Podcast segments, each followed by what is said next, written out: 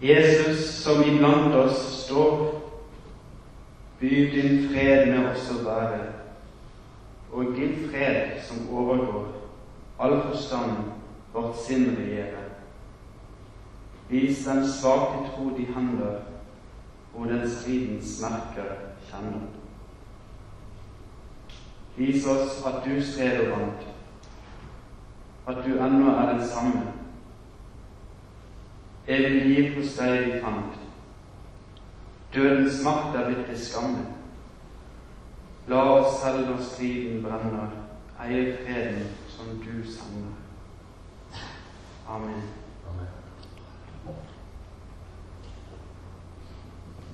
Kjæreste Jesu Kristi venner. Nåde være med dere, fred fra Gud vår Far, Herren Jesus Kristus. Det har blitt en tradisjon at vi samles her til reformasjonsfest. Man begynte å feire reformasjonen sånn ca. i 1617. Året etter så brøt det ut en fryktelig krig i Tyskland. Det vi kaller for 30-årskrigen. Det de første reformasjonsfeiringene var preget av, det var en glede. Det var en glede over det budskapet reformasjonens fedre hadde gjenoppdaget. Evangeliet, det gode budskapet fra Gud til oss. Det var også samtidig alvor. Det var et alvor som minner oss om at reformasjonsfesten også er en botsfest. På søndag feiret vi bots- og bededag. Reformasjonen er, har sitt opphav i en botsbevegelse ut ifra den erkjennelsen at Kirken trenger å gjøre bot. Vi trenger å omvende oss som kirke. Vi må omvende oss når vi er på feil kurs, når vi går veier som ikke fører til målet. Da trenger vi å snu. Dette var det de første reformasjonsfeiringene var preget av. Og da var man nøye på at man ikke dyrket personene, men at budskapet var det som sto og skulle stå i sentrum. La oss også her i kveld be om nåde til å høre budskapet. Budskapet, Guds ord, som lyder som lov og som evangelium. Loven viser oss hvem vi er. Loven viser oss at vi er fortapt i oss selv. Vi trenger å frelses. Og det er det Gud vil. Gud vil frelse. Gud vil redde ut ifra nød. Gud vil også frelse sin kirke. Gud vil også hjelpe de som har gått seg vill. Gud er mektig til å gjøre alle ting. Han trenger i grunnen ikke oss, men likevel får vi lov til å være med i hans store plan. Likevel får vi lov til å være med i Guds store plan for sin kirke og for denne verden. Hvordan kan du og jeg være med på det? Jo, du og jeg vi kan være med på det ved at vi holder oss til det som er kjernen i reformasjonens budskap. Og at vi hjelper hverandre til å holde fast på det.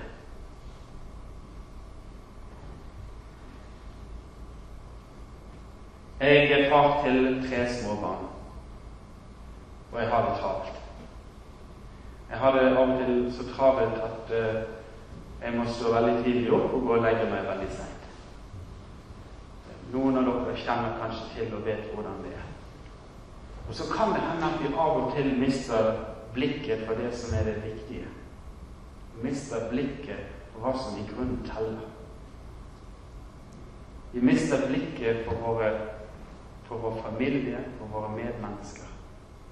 Sånn er det med oss. Men jeg ble minnet om da jeg hadde min lille gutt på fire år som heter Martin på, på armen min her om dagen, at det er jo det Gud vil gjøre med oss. Det er jo sånn Gud vil bære sin kirke, sine troende. Gud er ikke en Gud som er langt borte, men han vil løfte oss opp. Og det gjør han ved evangeliet om Jesus. Jesus han har kommet for oss. Han har ikke kommet for å dømme, men for å frelse. Og ennå får dette budskapet lyde.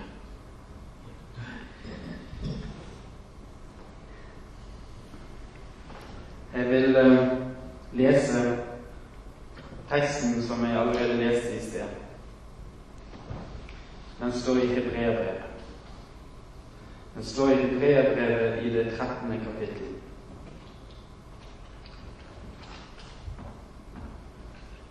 Glem ikke lederne, deres, de som talte Guds ord til dere Tenk på deres liv og utgangen dere fikk, og ta deres tro til forbilde. Jesus Kristus er i går og i dag den samme, ja, til evig tid. La dere ikke lide med alle slags fremmede lærdommer. Det er godt at hjertet blir styrket ved nåden, ikke ved bestemte slags mat. For de som følger slike regler, regler har aldri hatt nytte av det. Slik lyder Herrens ord. Da den evangeliske menigheten i Tyskland, da altså i 1617, begikk for første gang samlet reformasjonsfesten, så var det denne teksten det ble talt over. Og eh, som jeg sa innledningsvis, så var det ikke slik at man framhevet menneskene, reformatorene. Jo, man så opp til dem, men det var ikke de som sto i fokus. Det var en trang og en inderlighet for å løfte fram budskapet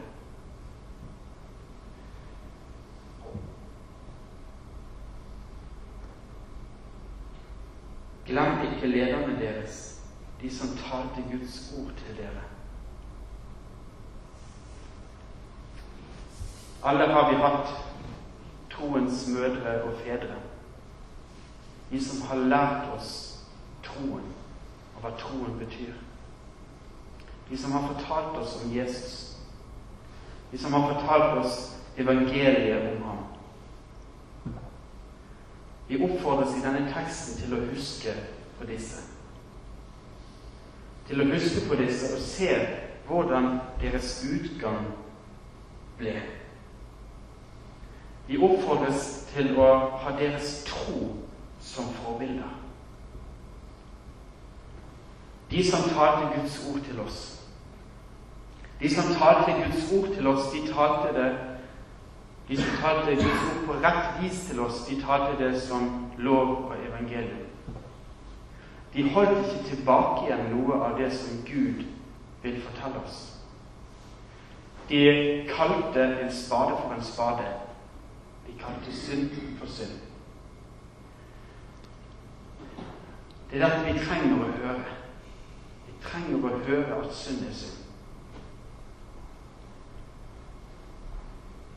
tilbake igjen til barna mine. Når jeg sier til lille Martin du må ikke løpe over veien, Martin. Og når jeg sier det på en av og til kanskje en litt streng måte, så er ikke det sånn at jeg ikke er glad i Martin. Men jeg sier dette her på grunn av nettopp fordi jeg er glad i ham. Gud sier oss loven, eller Gud har gitt oss lovens ord i budene. Det første budet lyder du skal elske Herren din Gud, og du skal ikke ha andre guder ved siden av, ved siden av meg.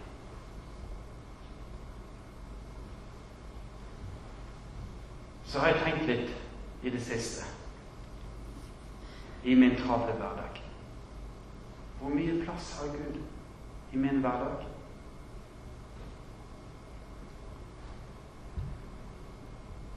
For å kalle en spade for en spade, så er det av og til veldig lite. Gud sier at vi skal elske ham, vi skal sette ham over alle ting. Skal ikke bare elske ham litt, men vi skal elske ham av hele vårt hjerte. Og vi skal elske ham med all vår kraft. Med hele vår sjel. Med hele vårt liv, med hele oss. Av og til så lever vi liv som ikke regner med Gud. Av og til blir Gud helt borte fra livene våre. Gud vil at vi skal regne med ham. Og Gud gjør krav på å være herre i livene våre. Det er hans gode redd. Vi må la Gud få være Gud.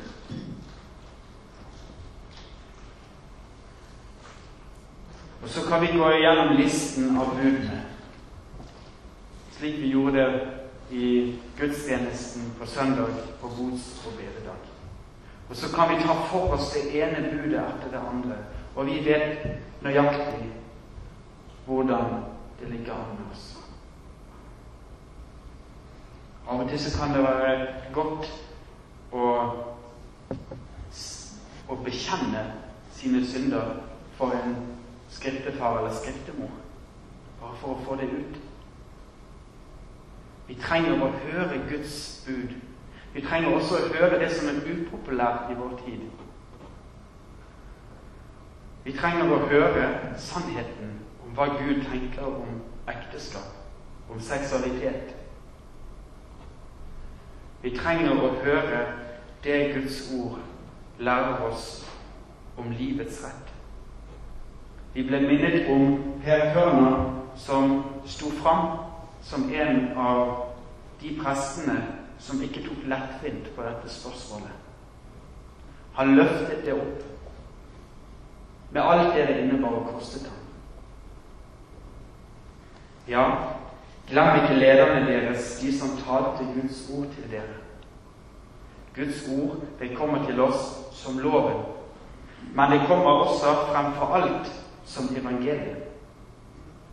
Evangeliet det er budskapet om at vi ikke kan bidra med noen ting.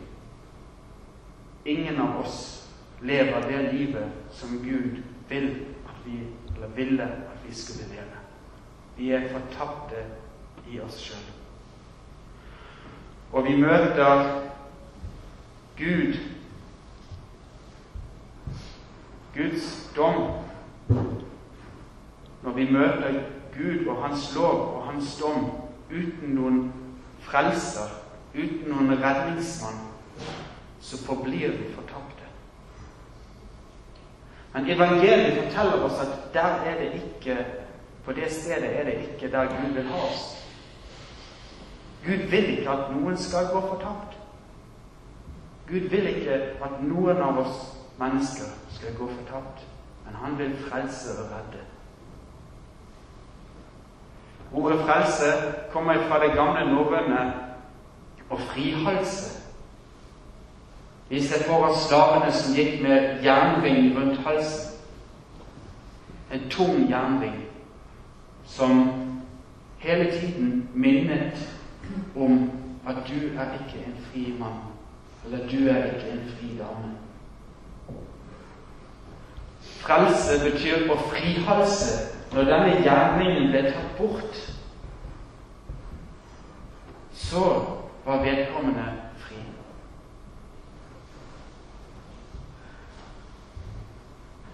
Sånn er det med oss når vi kommer til tro på Jesus. Når vi kommer til Jesus, så vil han ta denne jernringen som heter vårt gamle kjød, synden, vår syndige natur, vår skyld, tar han bort. Han har gjort det der på dette korset. Der på det korset så ble han gjort til synd for deg og meg. Hvis du spør deg hvordan i all verden Hvor i all verden skal jeg gjøre av syndene mine? Da har Gud svaret til deg her i kveld. Han har tatt dem på seg der. Og Det får vi lov til å minne hverandre om hver eneste dag, og det trenger vi å minne hverandre om hver eneste dag. Når Luther skrev de 95 tesene, så lyder jo den første tesen sånn Når vår Herre og Frelser Jesus Kristus sier 'gjør bot', så vil han at hele livet vårt skal være en bot. Gud vil at vi kommer daglig til ham i anger og bod med våre synder. Og så vil han lege oss og tilgi oss og rense oss for Jesus skyld. Hvor Deus homo? Hvorfor ble Gud menneske?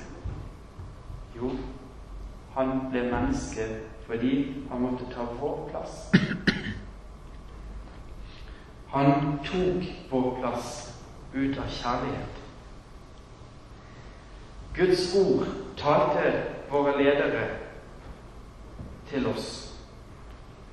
Da tenker vi på de lederne som sto på prekestoler, men vi tenker også på søndagsskoleledere, og vi tenker på mor og far hjemme, hvis vi har vært så heldige å ha en kristen mor og far.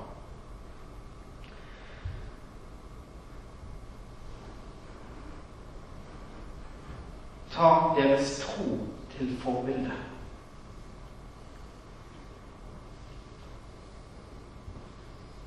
For noen av oss så har vi opplevd motgang.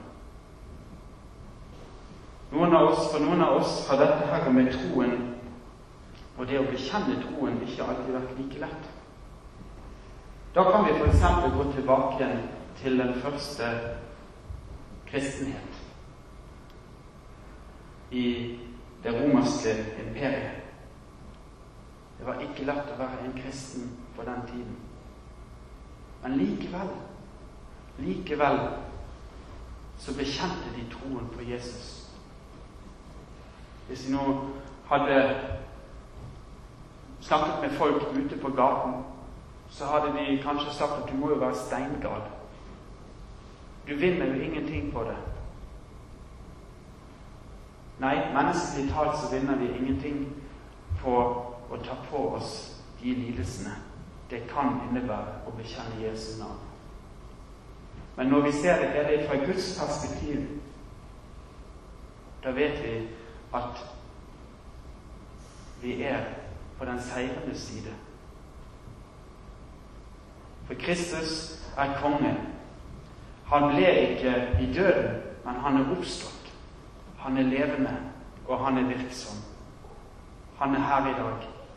Og han har også sagt det at ingenting kan skille oss ifra Guds kjærlighet, og ikke et hår faller fra hodet vårt uten at han vet om det, og ikke en spurv går til jorden uten at han vet om. Ja, det kan koste å følge Jesus, og vi formanes her i hebreerbrevet til å følge disse troens forbilder, som slettens ikke alltid var uten redsel, som slettens ikke kunne føle på at dette her er vanskelig, men som var mennesker som du og meg, men som ved Gud den hellige ånd og ved Guds ord ble styrket til å stå i troens tjeneste, som Jesus bekjente foran Pontius Pilatus den gode bekjennelsen, så bekjente de den samme gode bekjennelsen at Jesus Kristus er Messias. Gud ble menneske, ikke for å dømme, men for å frelse. For å lete etter det som er fortapt. Og for, være, for å være sonofferet for våre synder. Og når vi som den første kristenhet, og alle de som følger etter i deres spor, bekjenner denne bekjennelsen og møter på motstand, så skal vi være klar over én ting. Og det leser vi i neste vers. Jesus Kristus er i går og i dag den samme, ja, til evig tid. Jesus Kristus er ikke død. Jesus Kristus lever. Jesus Kristus er med deg på arbeidsplassen din. Jesus Kristus er med deg hjemme. Jesus Kristus var der da du ble født. Jesus Kristus var der før du ble født, da du ble dannet og formet i mors liv. Jesus Kristus var med Martin Luther. Jesus Kristus var med de mange andre som bekjente hans navn og trodde på ham. De som kom til ham, de ville han aldri støtte bort. Det samme gjelder i dag. Når vi kommer til Jesus, så vil han ikke støtte oss bort. Han tar imot oss på samme vis. Og så får vi tenke på det også. For noen av oss kanskje. I alle fall for noen av oss i andre land og i andre deler av denne verden koster troen så mye at de betaler den med deres liv. Så får vi også trøste oss i dette vers 8 om at Jesus Kristus er den samme i går og i dag, ja, til evig tid. Det setter alt i rette perspektiv. Det setter det i rette perspektiv at vår vandring her, den er ikke slutt når, når vi legges ned i jorden. Men vi er evighetsvandrere mot målet. Jesus Kristus er i Guds evighet, og der skal også vi som følger etter ham, få være. Han sier det til oss at i hans hus, der er det mange rom. Dette er vår trøst. Dette er vår trøst når vi bekjenner den gode bekjennelsen. Når vi bekjenner troen på Jesus. Når vi følger disse eksemplene disse forbildene i troen. Og på samme vis opplever hvor vanskelig det kan være. Når Jesus Kristus er den samme i dag, i går og i dag og til evig tid, så betyr det også at han er den samme han møter oss med den samme tilgivelse og nåde hver dag. Det er jo denne vi lever av. Det er jo denne vi er så avhengige av. Derfor skriver hebreerbrevets forfatter videre i vers 9. Det er godt at hjertet blir styrket ved nåden. Det er nåden som Jesus gir oss. Den nåden som vi har i Jesus Kristus, som er din og min, det er den som kan styrke vårt hjerte. Hebreerbrevets forfatter han formaner oss til å ikke la oss rive med alle slags lærdommer. Hva kan han mene med det? Jo, også i vår tid, i Guds kirke og menighet, så er det mange lærdommer som ikke er i overensstemmelse med Guds ord.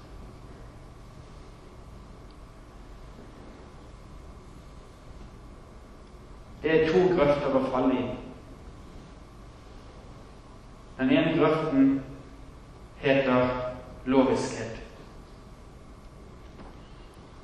Den andre grøften, den heter antinomisme. Det betyr at man gir en glad dag i hele loven. Mye av den type forkynnelsen møter vi. Da skal vi være på vakt. Vi skal ta til oss Guds lov for det den er. Ikke noe til frelse, men som et speil som viser oss hvem vi er. Som vi trenger å speile oss i hver dag, som vi sa tidligere. Og så skal vi ta til oss fremfor alt evangeliet, som viser oss hva Gud vil for oss. Han vil tilgi oss alle våre synder. Det er Guds gode vilje i Jesus Kristus. Så har vi også helt konkret i vår kirke og menighet utfordringer. Mange av de utfordringene i Den norske kirke i dag er antinomisme. Antinomismens grøft. Nei, det er ikke så nøye hvordan vi lever. Du kan gjøre som du vil, sier de. Slike lærdommer skal vi ikke la oss hive med. Men så har vi også de som det står om her i den siste delen av dette verset. De som er opptatt av alle slags regler, som f.eks. i den tiden var det mat. Det kan være hvordan man kler seg. All slags loviskhet som mennesker kan finne på, kan vi møte her. Dette har ingen nytte. Gud blir ikke mer glad i oss gjennom det. For det er nåden alene. Det er nåden alene som Jesus har brakt fram, som kan styrke hjertet vårt.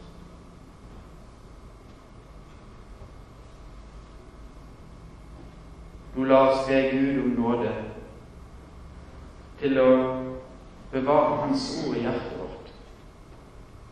La oss be om Hans nåde om at vi blir styrket i troen på Jesus.